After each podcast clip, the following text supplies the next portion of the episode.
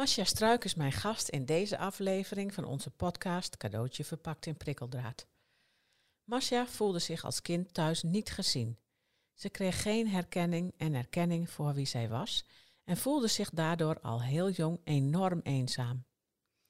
Op 14-jarige leeftijd besloot ze dat geen enkel kind dat eigenlijk mocht voelen en daar heeft ze haar levenswerk van gemaakt. Ze ging in de jeugdzorg werken en ontdekte ook daar wat er ontbrak. Ze besloot een bijdrage te gaan leveren aan het verbeteren van de jeugdzorg. Ze schreef het boek In 10 stappen professional vanuit je hart en geeft trainingen op dat gebied. Ook lanceerde ze de Professional vanuit je hart podcast. Masha heeft zelf veel geleerd van haar moeilijke jeugd en herkent zich sterk in het PTG-gedachtegoed. Ze wil graag dat ook in de jeugdzorg meer vanuit het PTG-gedachtegoed gewerkt wordt met kinderen, jeugdigen en ouders of verwanten. Velen hebben enorm veel power in huis, maar worden nu vaak als probleemkinderen en probleemouders gezien en behandeld. Er moet veel meer aandacht komen voor het eigen verhaal van kinderen en hun ouders.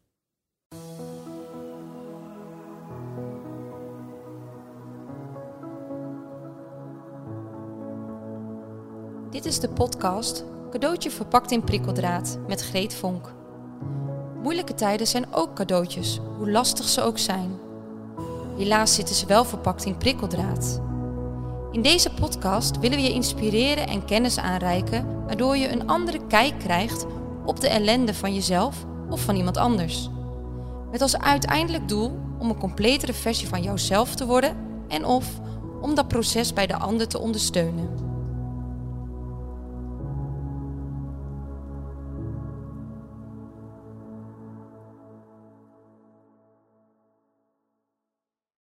Masja, welkom. Dankjewel.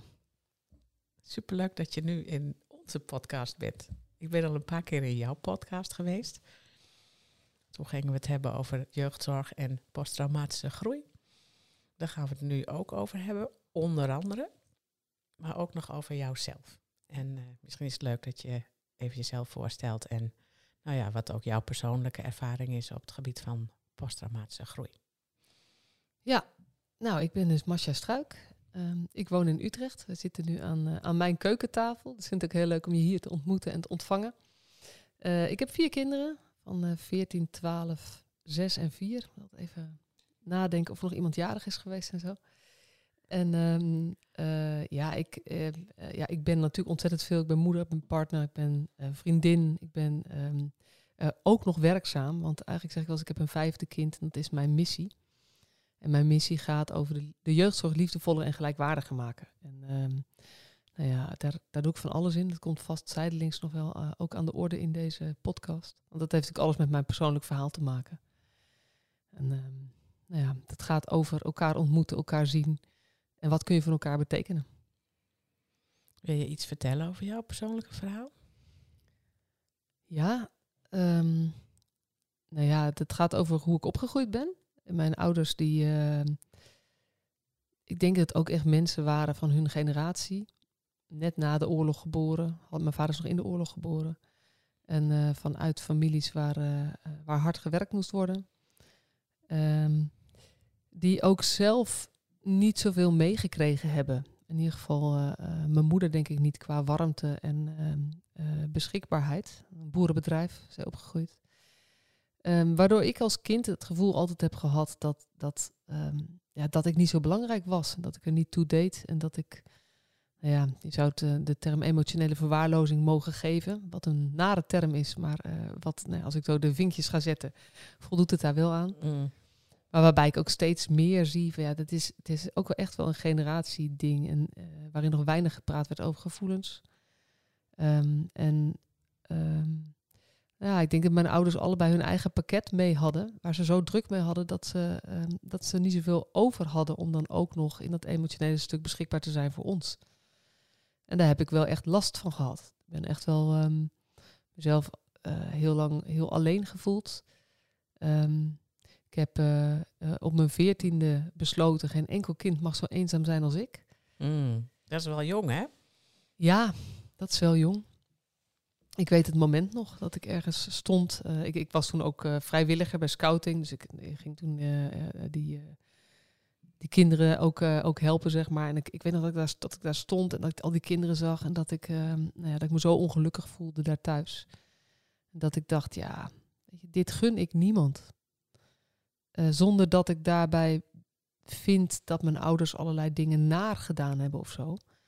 Maar dit, je zo voelen gun ik niemand. En um, nou ja, vandaar uh, eigenlijk, ja, dat is wel, weet je, achteraf gekeken makkelijk gezegd. Maar ik denk dat daar wel het begin is geweest van waar ik nu sta. Ja, precies. Hoe, hoe ben je daar zelf uh, uiteindelijk mee omgegaan? Uh, ik denk dat uh,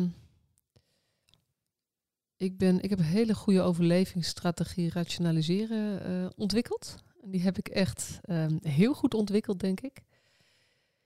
Uh, en daarbij ook de mazzel gehad dat ik een brein had wat dat ook kon. Um, en dat betekent dat ik vanaf, nou ja, misschien, misschien van 14, 15, 16 al begon te praten over hoe dat dan voelde, of hoe dat dan was en hoe dat dan kwam. En dat ik heel erg op zoek was ook naar proberen te snappen wat er gebeurde. En dat is ook nog steeds wat, wat mij heel erg helpt. Uh, ik kan eigenlijk heel veel aan als ik maar snap wat er gebeurt. Of als het maar open is of zo. En bij ons thuis was ik heel veel niet uitgesproken. En al die onzekerheden maakten mij weer heel onzeker. Dus ik ben altijd op zoek gegaan naar wat gebeurt er nou en hoe komt het nou en wie doet nou wat. En ja, dat draai je natuurlijk ook in eerste instantie wel in vast. Maar dat rationaliseren is voor mij wel echt een. Um, um, dat heeft me ook overeind gehouden. En uh, nou ja, ik, ik, deed dat al als tiener, dat ik met, met allerlei mensen ook ging praten.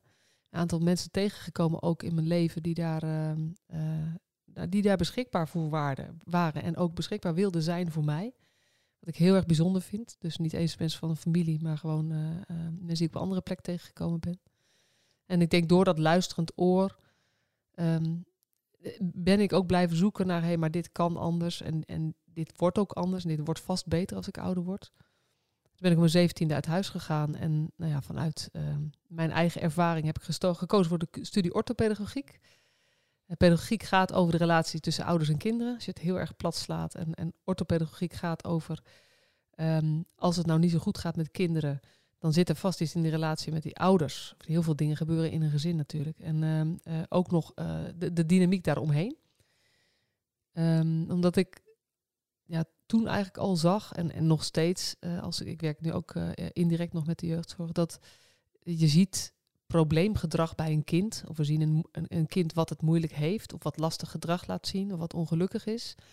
En dan kunnen we heel erg op het kind inzoomen wat er aan de hand is. Maar, maar eigenlijk geloof ik veel meer in dat we iets moeten uitzoomen in wat gebeurt er allemaal rondom dat kind. Wat, wat, wat is hier aan de hand en hoe kunnen we dat, um, uh, ja, hoe zeg je dat? Hoe kunnen we het voor dat kind behapbaarder maken of iets veranderen in de situatie? Dus ik ben ook, nou ja, in mijn studie heeft me eigenlijk uh, geholpen om verder te rationaliseren en nog meer te begrijpen. Um, ik heb altijd makkelijk kunnen huilen. Dus dat was nooit zo lastig. Dat, dat was precies een vraag die ik, die ik heb. Want, nou ja, we, we hebben het over posttraumatische groei. Jij weet ook dat een van de dingen die ja. super belangrijk is om uiteindelijk sterker uit de strijd te komen, ja. is toch ook echt je emoties uiten. Ja. Maar dat heb je dus ook uh, goed kunnen doen. Nou ja, verdriet wel. Um, die, die, dat is mijn. Uh, ik, ja, ik heb ooit geleerd dat je ook een soort van voorkeurskutgevoel hebt.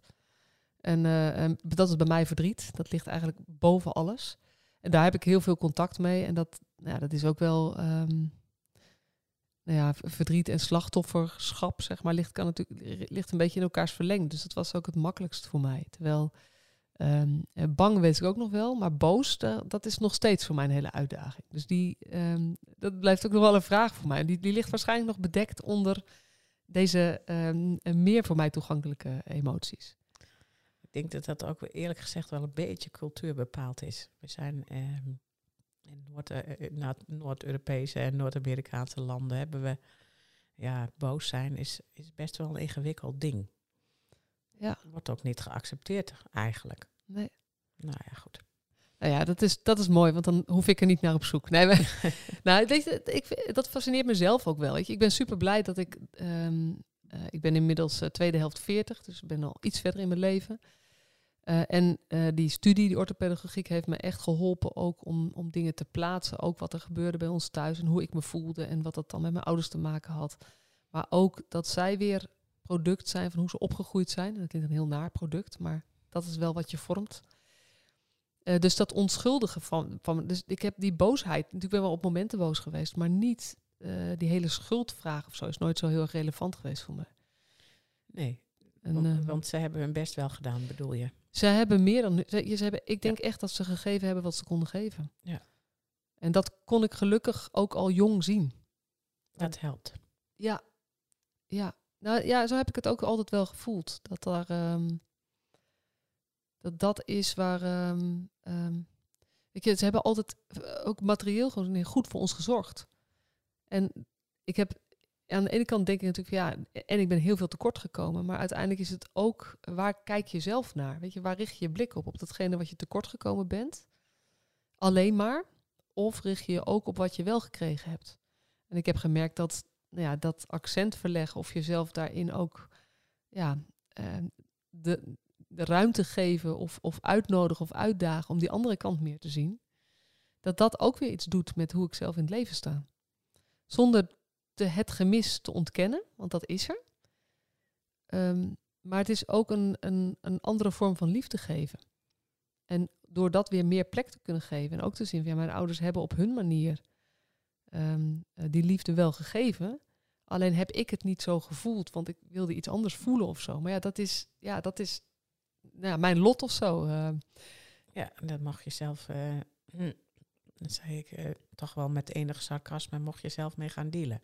Ja, daar mocht ik zelf mee gaan dealen. Ja, en, en dat is ook. Um, nou ja, weet je, ik, ik heb dus de studie gehad en daarna ben ik eh, in het werkveld van jeugdzorg terechtgekomen. Heb ik nog allerlei trainingen gedaan, ook het contextuele gedachtegoed van Notch bijvoorbeeld. Ik weet niet of je dat uh, kent. Ken ik niet. Boswameni Notch.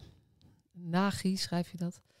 Dat raakte mij toen al heel erg, waarbij het heel erg gaat over, um, over loyaliteit. En dat kinderen altijd loyaal blijven aan hun ouders dat het gaat ook over een balans tussen geven en nemen. En nou ja, heel van dat soort grote thema's. En ook echt over het onschuldigen van ouders. En ook als principe dat alle ouders het beste willen voor hun kinderen. Bijna. Precies, ik zou zeggen, behalve misschien 0,1 procent. Ja. Ehm, maar ik heb veel in de jeugdzorg gewerkt. Ik heb met veel ouders en kinderen gewerkt. Ook echt hele nare situaties. En dan denk ik, weet je, 0,1, 0,5. Maar het is echt Heel verwaarloosbaar percentage wat niet het beste wil. Zeg maar, alle, alle ouders die ik spreek willen het, alleen ze zijn ook op een gegeven moment wanhopig.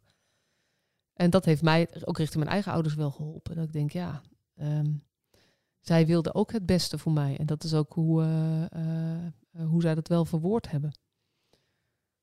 En dat het niet altijd was waar, waar ik behoefte aan had. Ja, dat is dan nou ja, mijn lot. Ja. Het is jouw stukje ellende in het leven. Ja, niet dat je daarna verschoond zult blijven van andere dingen, maar... Ja, ja. ja.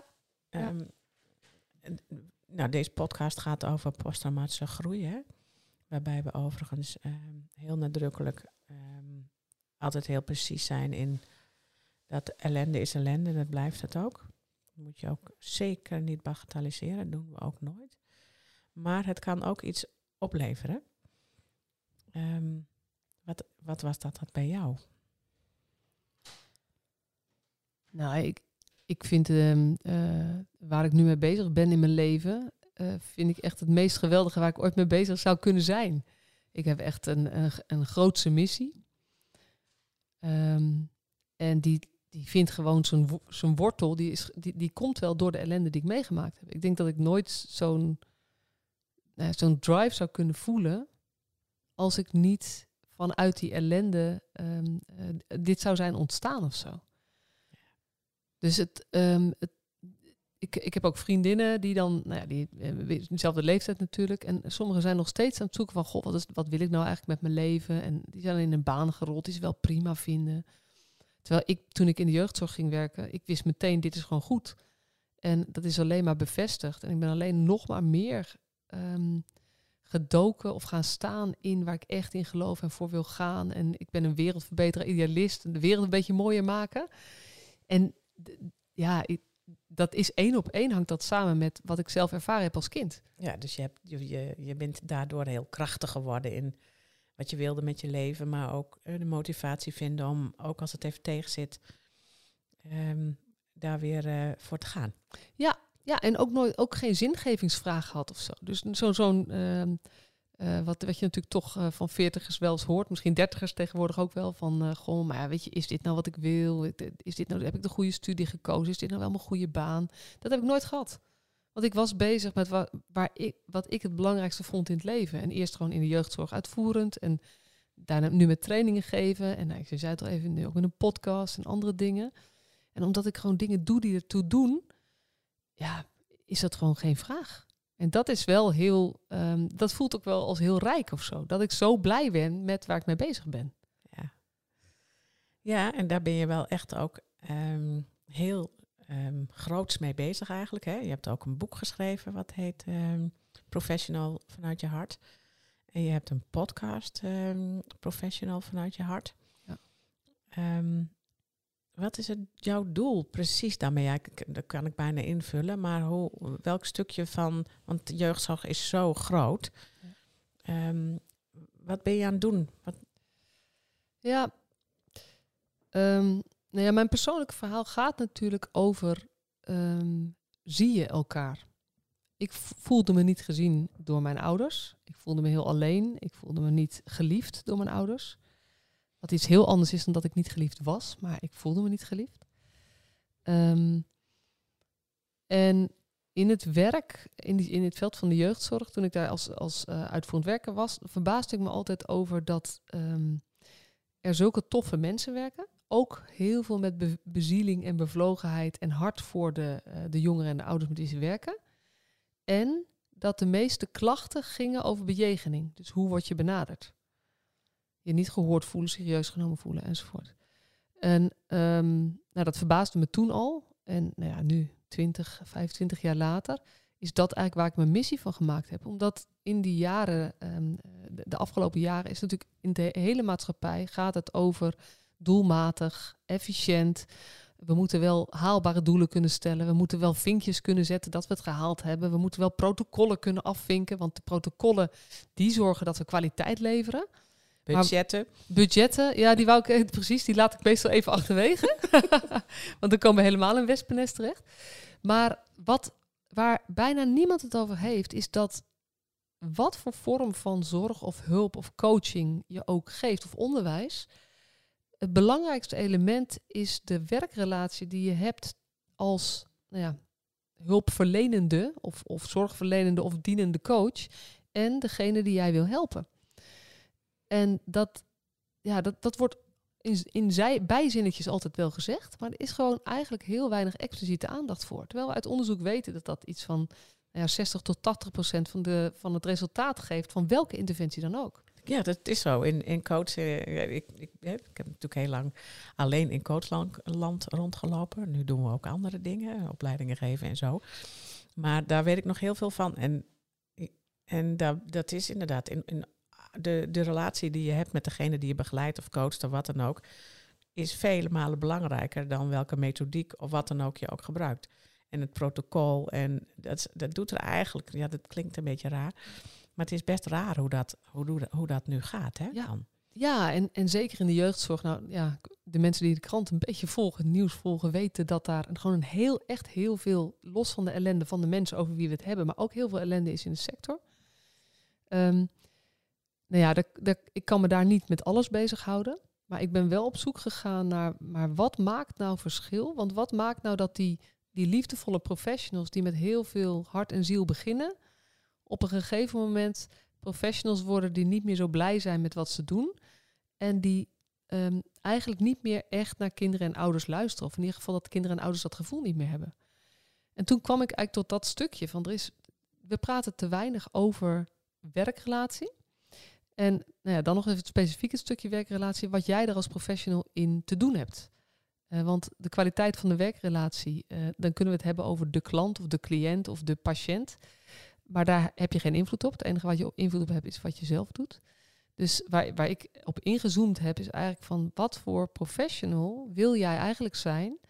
En hoe kan jij professional zijn zodat je um, iemand anders in ieder geval het gevoel geeft dat je hem echt gehoord hebt, echt begrepen hebt en dat je eh, dat je helemaal gaat voor wat het beste is voor die persoon. En ehm, nou ja, dat is professional vanuit je hart geworden. Omdat nou ja, wat, wat ik zie is dat veel professionals, ehm, nou dat, zeg maar, ze worden een soort van gedwongen om uit hun hoofd keuzes te maken.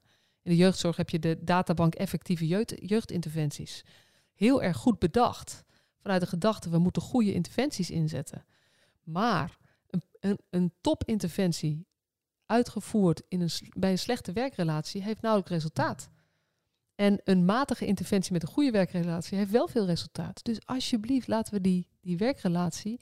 En dat is de persoon van de, van de professional. Die, die doet dat. Je bent je eigen instrument. Ja, en die, en die werkrelatie, dat klinkt eigenlijk heel, heel zakelijk.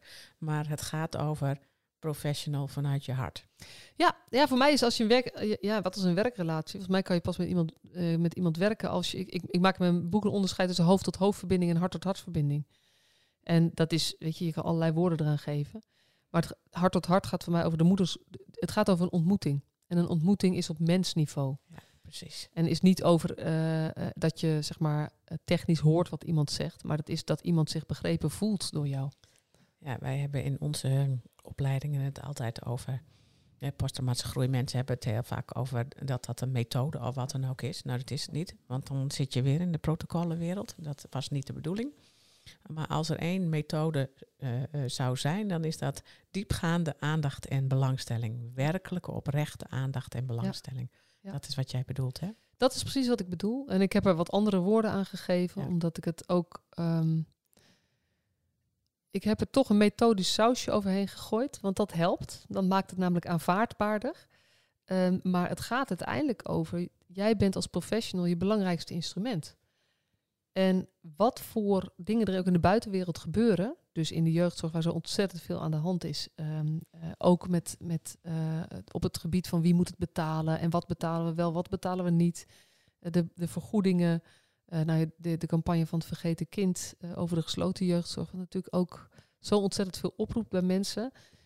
Um, laat jij die buitenwereld bepalen hoe jij je werk doet? Of blijf jij uh, bij jezelf en blijf je die hulpverlener of die begeleider uh, die je eigenlijk zou willen zijn en altijd had willen zijn. En hoe, wat moet je nou doen om bij jezelf te blijven in dit um, nou ja, onrustige veld? en wat kun jij dan vanuit jouw professie hè, nu mensen aanreiken om, om ja, dat, dat dat lukt? Ja, ik zeg altijd, ik heb eigenlijk niks nieuws te vertellen. En daarmee doe ik misschien doe ik, doe ik ergens mezelf ook een beetje tekort. Um, maar het is wel een beetje zo. Want ik heb niet een nieuw trucje um, bedacht. Maar ik heb taal gevonden voor iets wat we allemaal weten. Dus het is mensen bewust maken van, van hun mogelijkheden. En en hun, hun, hun plichten en valkuilen en dat soort dingen. Maar dat ze ondanks alle ellende die er is in de jeugdzorg, uh, het gedoe en de protocollen, dat ze toch nog veel meer mogelijkheden hebben dan ze denken. Bedoel ja. je dat? Ja, onder andere. Weet, het gaat uiteindelijk, de, uh, mijn titel heet, uh, mijn boek heet In 10 stappen professional vanuit je hart.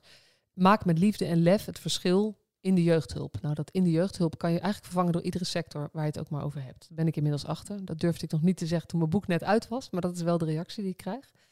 Omdat um, iets anders doen dan wat mainstream is, je hart volgen in een wereld die toch bepaald wordt door verantwoording afleggen, zoals onze hele samenleving nu eenmaal in elkaar zit, vraagt lef. En dat lef krijg je volgens mij het meest als je een verbinding hebt met je eigen uh, diepste drijfveren, overtuigingen, uh, wat jij belangrijk vindt, je eigen waarden. Dus um, ik heb ook in, in de, de volgorde van die ondertitel met liefde en lef of met lef en liefde, daar heb ik helemaal met hele mensen discussies over gehad, gesprekken over gehad.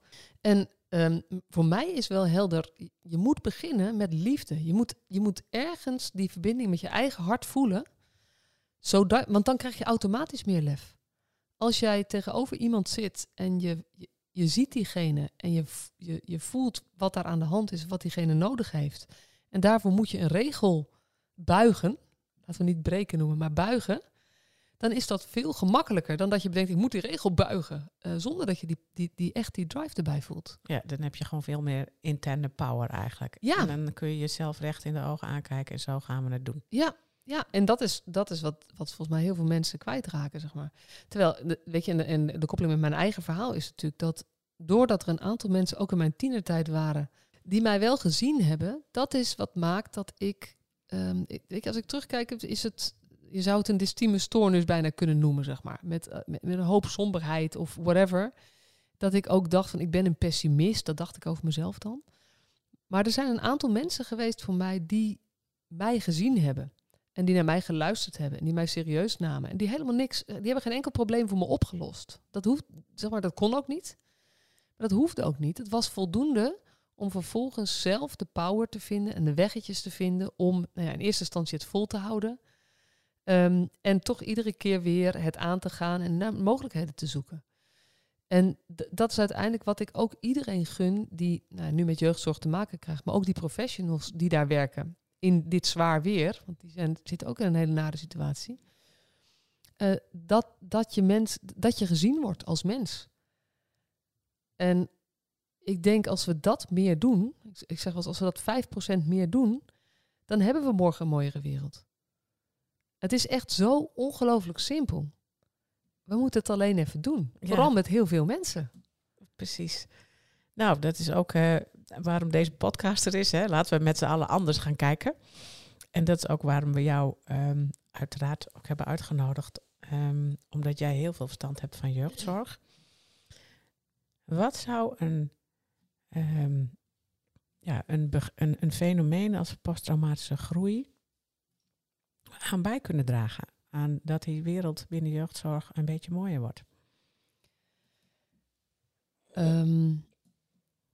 Ja, het gaat voor mij eigenlijk echt over dat anders kijken. Dat wat, wat, ehm, en ook door hoe de financieringssystematiek in elkaar zit. Zeker als je het over de jeugd GGZ hebt. Dat is natuurlijk dat is een onderdeel van de, de, de brede jeugdzorg, is jeugd GGZ, jeugdgezondheidszorg. Wat je ook in de volwassen GGZ ziet. Je moet een diagnose hebben om hulp te krijgen. Ja, en daar gaat het al fout. En daar gaat het al fout. Want ehm, het betekent dat er dus gezocht wordt naar een diagnose. Dus er wordt gezocht naar wat is er aan de hand. En bovendien wordt er dan gezocht naar een, ehm, nou ja, een vinklijstje waar je dan aan voldoet. En dan krijg je dat label en daarmee kan je dan hulp krijgen. Maar ehm, het zegt los van of die diagnose zou kloppen. Dat wil ik nu nog niet eens ter discussie stellen. Maar ik heb een, van de podcasts die ik heb opgenomen, die noem ik wel vaker. Die, eh, dat is van, eh, van iemand die zelf in de jeugdzorg heeft gezeten vroeger. En die zegt, probleemgedrag is ook een oplossing.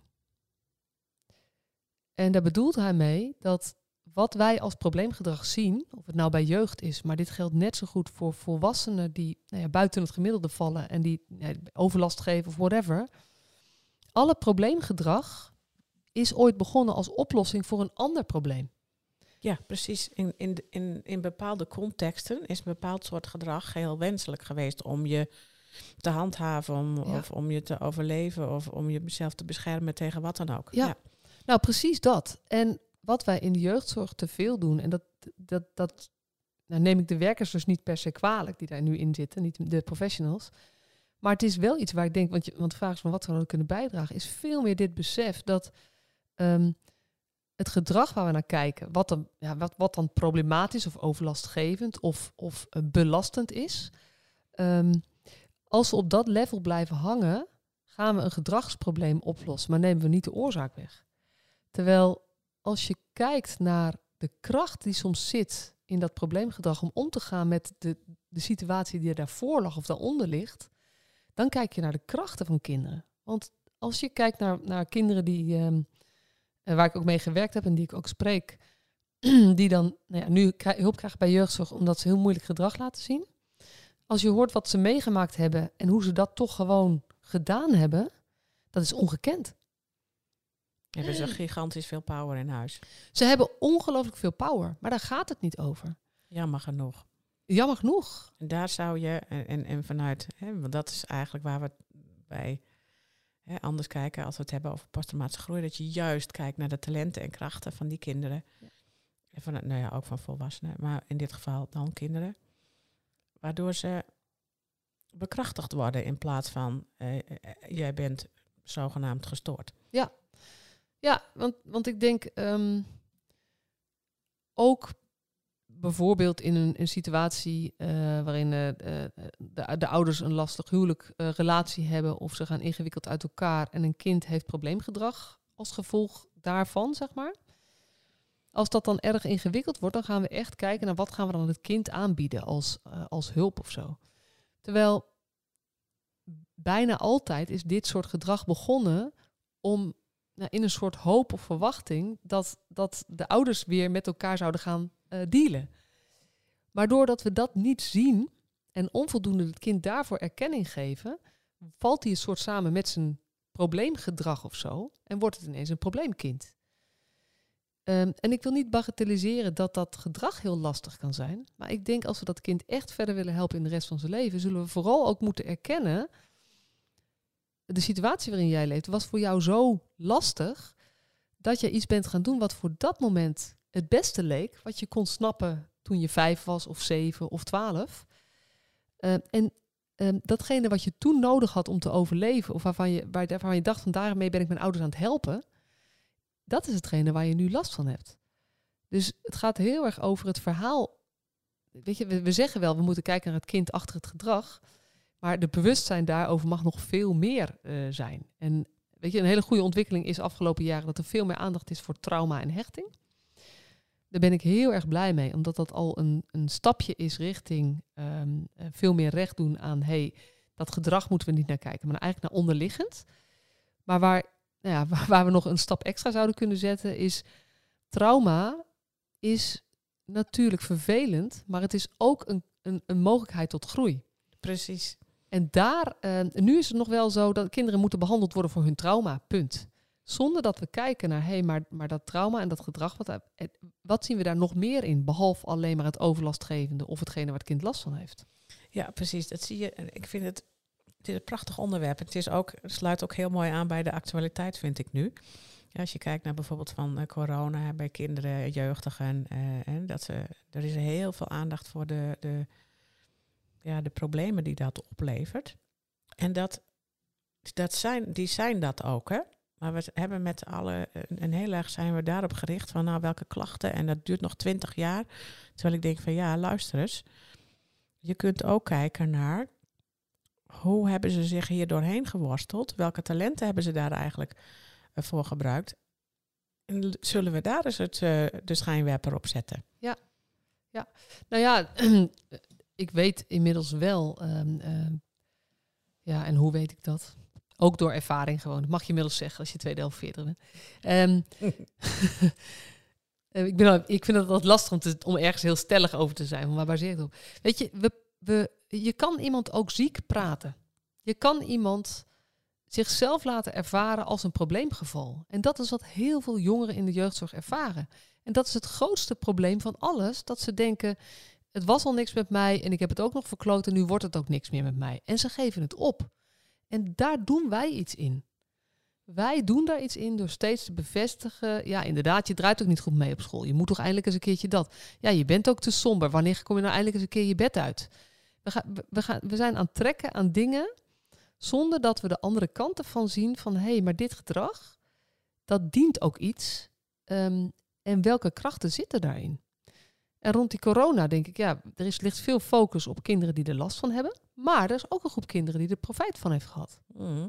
En het is maar net de framing waar wij aandacht aan geven. En wat je aandacht geeft, groeit. Dus wij kunnen met z'n allen gaan zeggen, ja, de GGZ, nu is het, ehm, ehm, het, nu is het nog ernstiger, dus we moeten nog meer GGZ doen.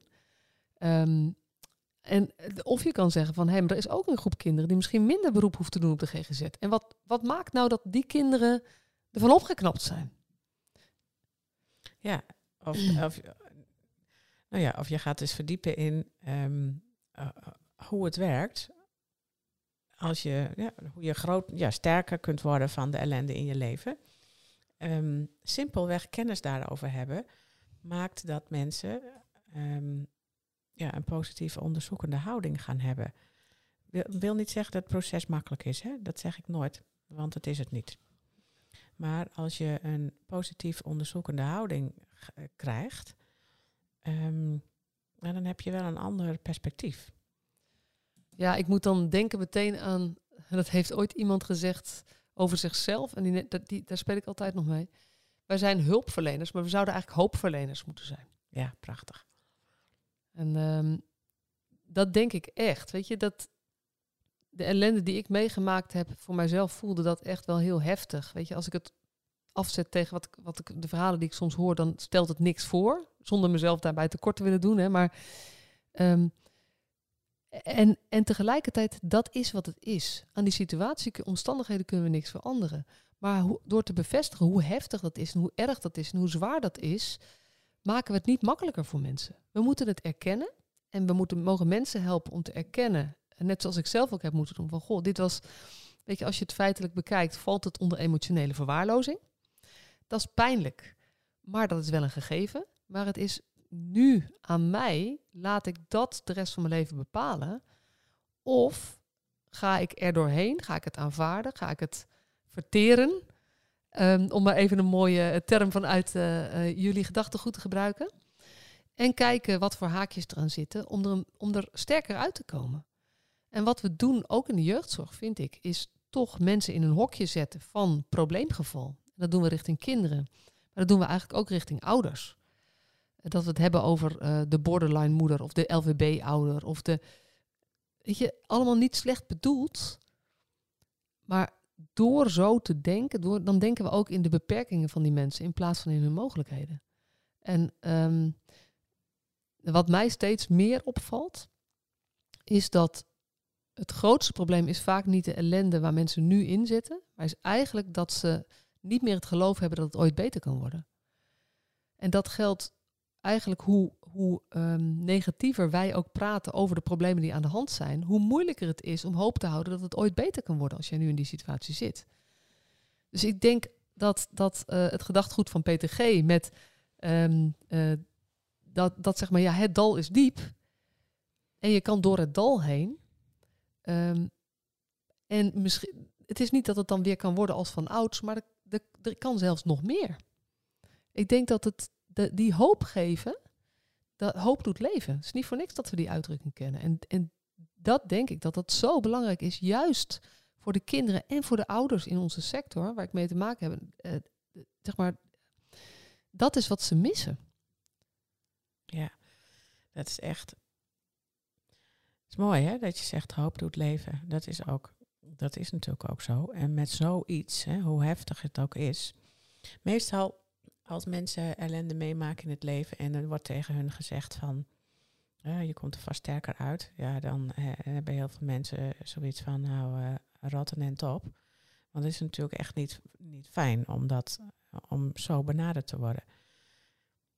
Tenzij je en hun ellende serieus neemt en zegt dat er ook nog hoop is. En, en dat is denk ik waar, waar je met dit gedachtegoed heel veel inhoud aan kunt geven. Hè? Want het is posttraumatische groei. Hè? Dus je geeft ook echt erkenning voor de ellende van mensen.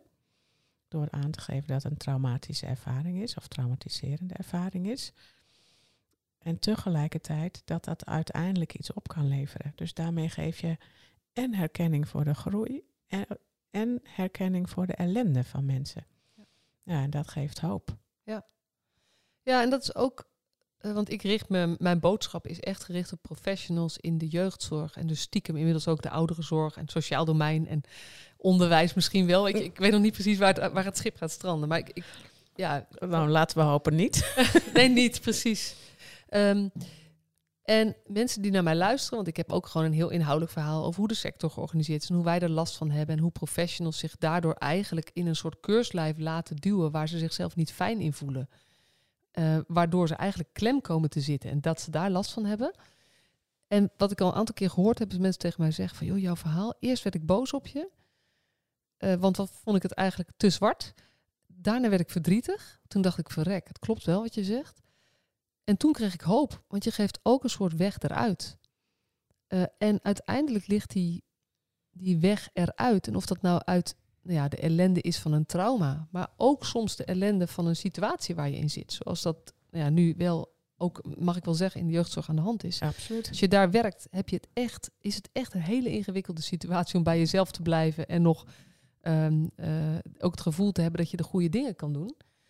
Maar uiteindelijk is de enige die, eh, die daar iets, kan, iets aan kan veranderen, ben jij zelf. En dat, aan de ene kant is dat een, een hele rot boodschap, maar het is ook een bevrijdende boodschap. Ja, en weer een hoopvolle, hoopvolle Ja. boodschap. Ja. Ja.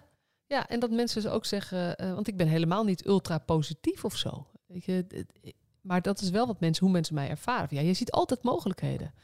Dan denk ik, ja, dat is ook zo. Want als ik, als ik ehm, vanuit de erkenning dat het ellende is, als ik blijf zeggen, ja, en het blijft ook ellendig, da- dan beteken ik niks meer voor niemand. Dus ehm, volgens mij is de grootste kunst om als iemand ellende ervaart, en dat, dat kan allerlei vormen zijn, eh, dat je dat ook, ehm, weet je, eerst begrijpen dan begrepen worden. Dus dat je eerst goed begrijpt hoe groot die ellende voor iemand anders is, dat dat ook mag zijn, dat je dat ook helemaal niet wil wegpoetsen. Dus je gaat niet zeggen, nou het valt toch wel mee of zo. Ehm, en, en, en dan op het moment dat daar ruimte voor is, eh, voldoende ruimte voor is geweest, dan komt op een gegeven moment, is mijn ervaring, bijna altijd een gesprek van, joh, weet je, en nu is de keuze aan jou. Gaat deze ellende blijven bepalen hoe jij je voelt en hoe jij in het leven staat? En ja, dat is toch een, een soort van ontwikkeling die iemand zelf door moet gaan. Waar ieder zijn eigen tempo in heeft en de eigen vorm van begeleiding nodig heeft. Of geen begeleiding nodig heeft. Want sommige mensen doen het gewoon zelf. Dat er ergens een soort keuze is van eh, nee, ik ben niet mijn ellende.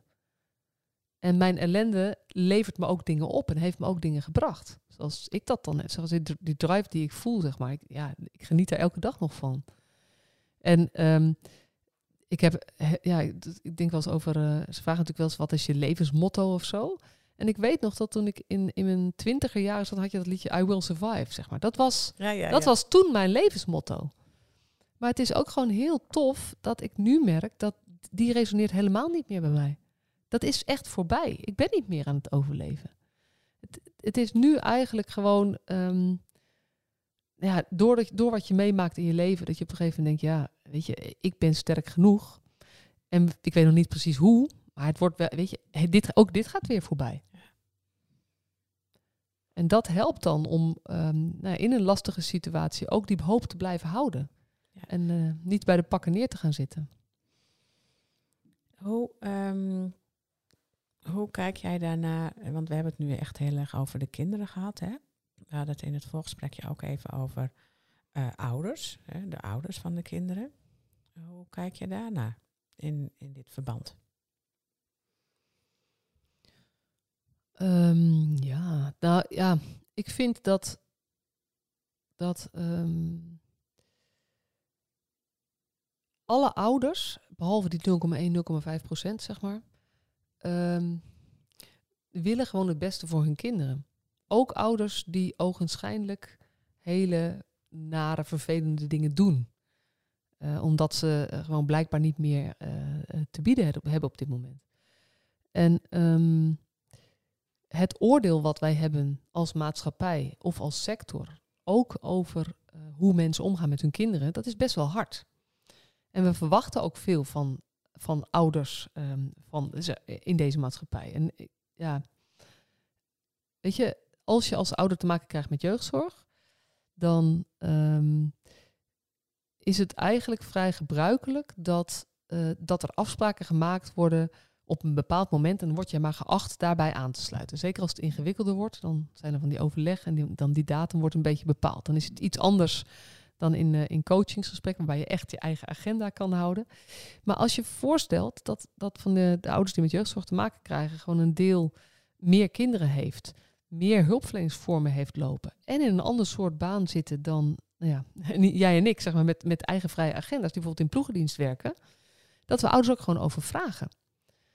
En ehm, ik denk dat het ons beter verplaatsen in hoe dat is. En eh, dat, dat heel vaak, eh, nou ja, ook, ook bijvoorbeeld het effect van armoede, dat, om er maar even een mooi thema in te gooien, dat we daar te weinig begrip voor hebben. En dat we eigenlijk mensen ja, naar een maatstaf gaan ehm, eh, beoordelen. alsof alles in het leven verder goed loopt, behalve dat er een probleem is met hun kind. Maar bijna altijd zijn er heel veel andere problemen aan de hand. Ja. Dus ik, ik denk dat het ook hierin gaat over hoe kijk je naar deze mensen. En zie je de hele mens.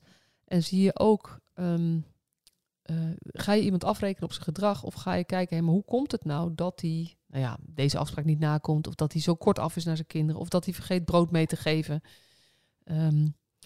Eh, en dan denk ik dat als je kijkt naar, eh, naar de ouders die, met, ehm, die, in die met jeugdzorg te maken krijgen, dat er heel veel ook gewoon een eigen package deal hebben waar ze nog niet mee gedeeld hebben. En als er nou iets is waar we geen aandacht meer voor hebben, omdat dat niet meer bijna mag, want het wordt namelijk niet betaald, is het eh, het achterliggende verhaal van ouders. Ja, precies. En als je nou eens bij de bron begint. Ja, ja, en dan zit je ook, weet je, dat is posttraumatische gum, maar dat is ook natuurlijk een systemisch werk. eh, ehm, ik ben toevallig De Fontein, heb ik net gelezen, van Els van Stijn. Ik weet niet of je dat boek eh, kent. Ja, ken ik niet. Nou, dat is voor mij persoonlijk is dit echt nog een, ehm, nou ja, een, next level over. Ik vertelde natuurlijk over dat rationaliseren en de band met mijn ouders. Met mijn vader heb ik het plaatje wel redelijk compleet. Maar met mijn moeder vind ik het nog steeds heel ingewikkeld. Mijn ouders zijn eh, overleden. En ehm, een van mijn levensthema's die ik meegenomen heb uit mijn eigen jeugd is natuurlijk zelfwaarde. Zelfwaardering. Als je niet geliefd voelt door je ouders, is het heel moeilijk om van jezelf te houden. Nou, dat is echt mijn grootste thema. Wat in dat boek staat, en dat was echt een spiegel voor mezelf, is eigenlijk ehm, zolang je je ouders ehm, veroordeelt, kan je niet van jezelf houden. En ik kan natuurlijk hele prachtige dingen zeggen met die missie en doen. Ehm, maar als ik heel eerlijk ben, zolang ik blijf zeggen van ja, maar mijn, ik heb, ben emotioneel verwaarloosd, zeg maar. En dat is de kant van mijn ouders die ik vooral zie. En niet hun krachtenkant, doe ik hen geen recht. En als ik hen geen recht doe, kan ik mezelf geen recht doen. Dus als ik dit thema, waar ik al, nou echt al op twintig lagen mee aan de slag ben geweest, en steeds een laagje dieper, ik las dat boek, toen dacht ik, verrek, ik moet nog weer dieper aan de slag. En dit is nou rond mijn moeder eh, een, een actueel thema voor mij. Dat ik me gewoon, ja, dat is vind wel erg om te zeggen. Maar dat ik me toen ik dat las, dat het insloeg als een bom, dat ik geen positieve eigenschappen van mijn moeder kan bedenken. En dat dat iets zegt over hoe ik, nou ja, ook hoe, hoe, hoeveel pijn het mij gedaan heeft. Dat is, dat is natuurlijk mijn stukje. Maar ook dat als ik dit stuk in mezelf beter wil oppakken, dat ik dan daar moet zijn. Nou ja, en ik denk dat, dat alle ouders eh, die met jeugdzorg te maken hebben, hebben hun eigen verhaal. En dit is even mijn persoonlijk verhaal. Maar dit zijn thema's waar we het over moeten hebben, volgens mij. Want als, als je zeg maar zelf een thema oplost, geef je het ook niet meer door aan je kinderen. Dat is precies wat het is. Ja. Je, hebt een oor- oorzaak en gevolg. Zonder dat te willen beoordelen. Hè? Want we hebben allemaal onze. We krijgen, nou wat jij net zegt, we krijgen allemaal ons pakketje mee. En ehm, ja, hoe ga je mensen nou helpen eh, te leren dealen met hun pakketjes, zodat de kinderen daar, ehm, ja, daar geen gevolgen meer van hebben. Ehm, Hoewel, hè, daar, of daar minder gevolgen van hebben, laat ik het zo zeggen. Ik heb eh Phoenix gedaan in Utrecht, Phoenix opleiding, een driejarige opleiding. En dat- dat doe je dan met een vaste groep van 24 mensen. En toen wij in het derde jaar zaten, zo, zo richting het, zeg maar, het afronden, toen zeiden wij allemaal tegen elkaar die daar waren, want we vonden het allemaal echt geweldig, zeiden we echt van, nou weet je, ik heb mijn kinderen vast ingeschreven, want dan, wij, geven ze hun eigen trauma weer mee om dan later mee te dealen als ze groot zijn. Want het is ook waardoor je groeit. En het is waardoor je, Je kunt het nooit 100% goed doen. nee, Nooit. nee, En dat is misschien ook wel goed. Ik bedoel, als, als kinderen niks meemaken in het leven. eh, en, en ze gaan op, of, bij ouders en ze gaan op een gegeven moment de, de wijde wereld in. En, en ze hebben niks, eh, nooit, nooit iets meegemaakt wat niet helemaal klopte. Ja, hoe gaan ze zich dan handhaven? Dus, Ja. dus dat is ook helemaal niet erg. En dat is wel ook, want wij, je zei net natuurlijk even rond corona, eh, waar we het over hebben, over jongeren en kinderen. Maar ook de curlingouders eh is natuurlijk was een tijd geleden in de krant. Dat een deel van de ouders op dit moment zo bezig is met voorkomen dat hun kinderen ergens last van hebben, wat het dan ook is, dat ze ze niet voorbereiden op hun eigen leven leven. Precies. En daar hoort ook omgaan met een dosis je ellen- ellende. En dat ehm, eh, nou ja, bij de kindertelefoonopleiding die ik ooit heb gedaan, leerde ik ehm, eh, voor het ene kind is het net zo erg als de hamster doodgaat, als voor het andere kind dat hij dagelijks in elkaar gemapt wordt. Maar het gaat over dat iedereen zijn eigen, wel leert dieren met zijn eigen ellende en zijn eigen emoties. En dat, ja, ik denk wat nodig is ook, is dat wij als ouders, en dan heb ik het ook over mezelf, niet alle ellende proberen te voorkomen bij kinderen. Maar dat we kinderen al leren om om te gaan met hun ellende. Zodat die dat niet nog eens moeten gaan leren als ze uh, nou ja, 45 zijn, zeg maar. Ja. De, de principes achter waar wij mee bezig zijn, jij en ik, eh, posttraumatische groei, werk vanuit je hart enzovoort. Dat kunnen kinderen eigenlijk op hele jonge leeftijd best heel goed leren.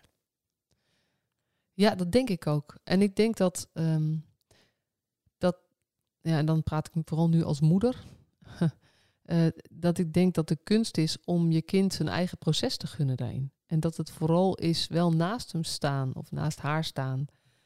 Ehm, en de werkelijkheid niet mooier te willen maken dan het is. Ruimte te geven aan emoties. Af en toe te helpen om dingen te duiden.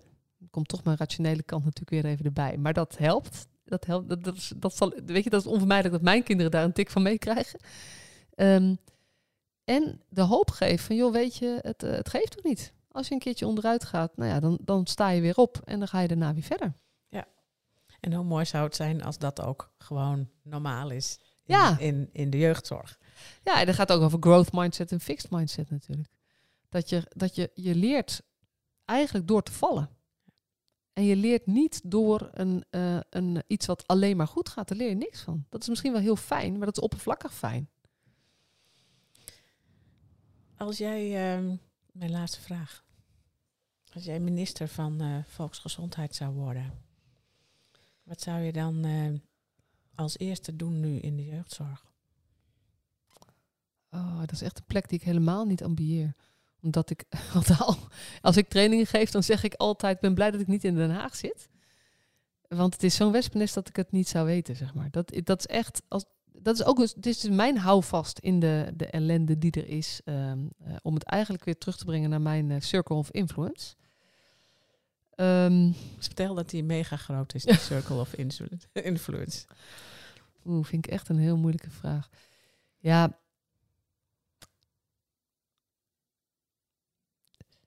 Wat, wat ik zou doen is eigenlijk, ehm, we hebben al, weet je, de, term mensen in hun kracht zetten, is eh, en empowerment en eh, participatie. Dat zijn allemaal van die woorden, emancipatie, die worden heel veel gebruikt. Maar het is volstrekt niet wat we doen. Dus als ik iets zou doen, Alleen weet ik niet hoe een minister dat kan doen met, een, met één uitspraak. Maar dan zou ik wel echt zeggen, we moeten ehm, veel meer ruimte geven aan, eh, aan de krachten van iedereen in onze ehm, sector. En dat betekent dat we nou eindelijk eens echt ouders en kinderen hun eigen plan laten maken.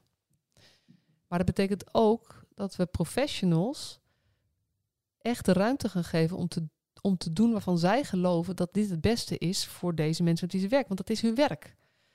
Ehm, en dat betekent dat we eh, controle los moeten laten ergens. En dat we de maakbaarheidsideaal van als we het maar allemaal reguleren, dan gaat het beter. Dat we daar nou korte metten mee maken. En dat we eigenlijk meer, eh, dus weer meer vanuit, eh, is het vanuit liefde of vanuit angst krijg je bijna, zeg maar. Maar dat je dus, dus eigenlijk ook, ook kan zeggen, ik denk namelijk helemaal niet dat het meer hoeft te kosten. Ik denk als we mensen meer de vrije hand geven, maar ook daarmee meer verantwoordelijkheid voor het in hand houden van de kosten, dan schat ik in dat er, dat er veel, ehm, eh, dat, dat de mensen ook op de vloer daar hele goede keuzes in kunnen maken.